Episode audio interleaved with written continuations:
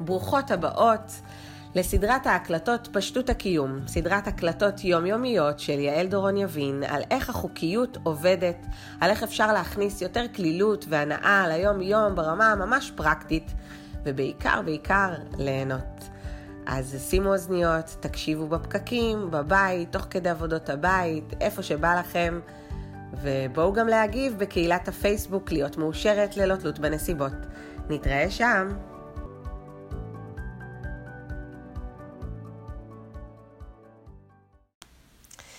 אחד הנושאים האהובים עליי ביותר הוא אימון לחוסן וההבנה שאני יכולה להתמודד עם הדברים. ככל שאני מתעמקת בנושאים האלה, הרוחניים והיקומיים, אני רואה כמה שאנחנו מגיעים לעולם הזה עם קטלוג של טוב ורע, איך זה חלק מהפן הארצי שלנו. וזה בעצם נהדר, כי זה מראה לנו שאנחנו מקשיבות וקשובות למה נעים לי ומה לא, מה עושה לי טוב ומה לא, מה אני רוצה ומה לא. ויש לי כאן שותף יקומי שאני יכולה לדבר איתו ואני יכולה לציין ולבקש ממנו, אני יכולה לדייק לעצמי ואני יכולה בעיקר להעביר גם את הפוקוס שלי למקומות האלה. אחד הדברים שהכי עוזרים לנו בחיים לחוות חוסן ולהרגיש חוסן, ואגב, את זה אני גם מלמדת את הילדים שלי, זה להתחיל לראות איך התיאוריה הגדולה הזאת עובדת בחיים שלנו. ואחד הדברים שאני הבנתי ישר על התחלת הדרך הרוחנית, אימונית שלי, שזה לא הגיע ביחד כאמור, אבל אה, זה ככה התכנס לאט לאט, זה בעצם לראות מה בי תורם לסיטואציה טובה. כלומר, קרה לי משהו טוב, והמון פעמים אנחנו נוטות להגיד, אוקיי, הנסיבות היו נהדרות, הסיטואציה הייתה לטובתי, האנשים במקרה היו שם, ואנחנו לא לוקחות על זה אחריות, אנחנו לא רואות מה בנו אפשר את המקום הזה, מה בנו הביא את הדבר הזה לקרות. וככל שאנחנו נשאל את עצמנו מה בי אפשר להרגשה הטובה הזאת, מה בי אפשר לדבר הזה לקרות, ככל שנעשה את זה אנחנו נראה יותר ויותר מקרים כאלה, ואנחנו גם נבין יותר ויותר מה עובד לנו. אני קוראת לזה עוגנים. למשל, אם אה, נורא נהניתי שכשהייתי קטנה אבא שלי הסיע אותי על אופניים, אני יכולה להתייחס לזה כאפיזודה חמודה, ואני יכולה גם להגיד, וואו, הייתי מאוד ילדית שם, הייתי מאוד נוכחת ברגע, הרגשתי משמעותית, אפשרתי לעצמי להרגיש משמעותית, כי הייתי ילדה. אז אפשרתי לעצמי פשוט לחוות את הדברים. או אם uh, יש איזה רגע של הנקה של הבן שלי אחרי לידה, אז אה, מאוד נהניתי מהרגע הזה והייתי כל כולי בתוכו, ומה שבי אפשר את זה, זה הנוכחות שלי שם, זה השחרור שלי, זה המיקוד שלי לא בכאבים של הניתוח הקיסרי, אלא ברגע הזה בלבד, בהקשבה לקולות היניקה ולרדיו שהיה ברקע, אה, ולמנח גוף שלי וכמובן לרגשות שעלו בי. ושוב, אני יכולה להגיד, אוקיי, זה אוקסיטוצין של אחרי הלידה, וזה ההורמונים, וזה לא את, וזה לא קשור אלייך, אבל משהו בי מאפשר לעצמי גם לקבל את זה. וגם כאן זה עניין של אימון. ככל שאני רואה כמה יותר ויותר אה, מקרים הם בזכותי, אני גם מפתחת כאן עוגנים, ואני מפתחת כאן סל, שבעצם מתחיל לאפשר לי להרגיש שיש לי כוח כאן. שכשאני מבקשת, אני מקבלת, כשאני מדייקת, אני מתחילה לראות. כל מה שאני מתמקדת בו הרי גדל, אז למה לא לבחור במה להתמקד? ואז אני רואה גם שכשמגיעים מקרים מסוימים, קשים יותר, דרמטיים פחות, זה לא משנה, בסופו של דבר כולנו מתמודדות.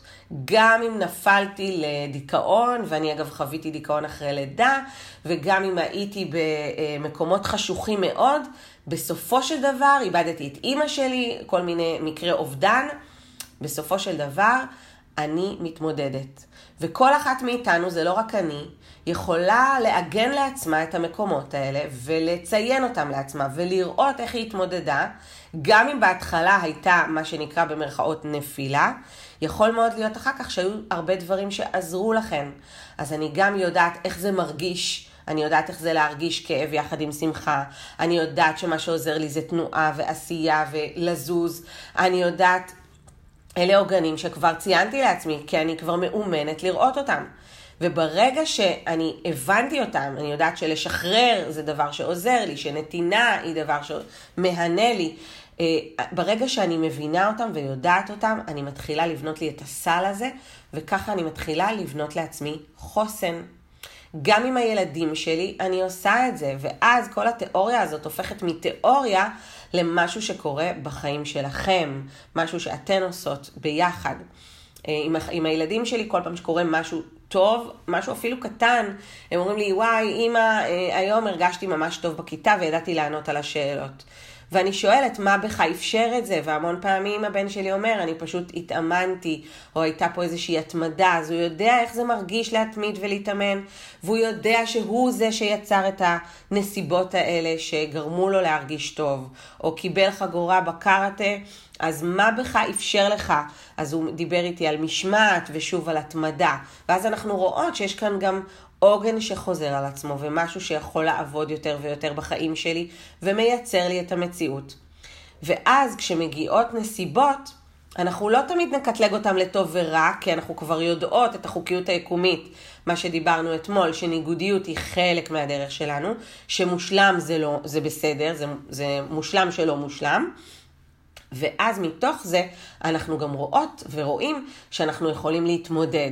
וברגע שאני מבינה שאני יכולה להתמודד, אני מפתחת חוסן, אני פחות מפחדת ממקרים לא טובים, אני פחות נמנעת, אני יודעת שאני אוכל להתמודד, אני יודעת שאני אוכל להסתדר. אגב, היום בעולם העבודה החדש ובכלל בעולם הידע, יותר ויותר ארגונים, חברות ובכלל מחפשים אנשים שיודעים להתמודד רגשית, שיש להם תחושה של מסוגלות ושל חוסן. זאת אומרת שזה משהו שגם חשוב ללמד את הילדים שלנו את זה, אבל בעיקר חשוב שגם אנחנו נרגיש ככה.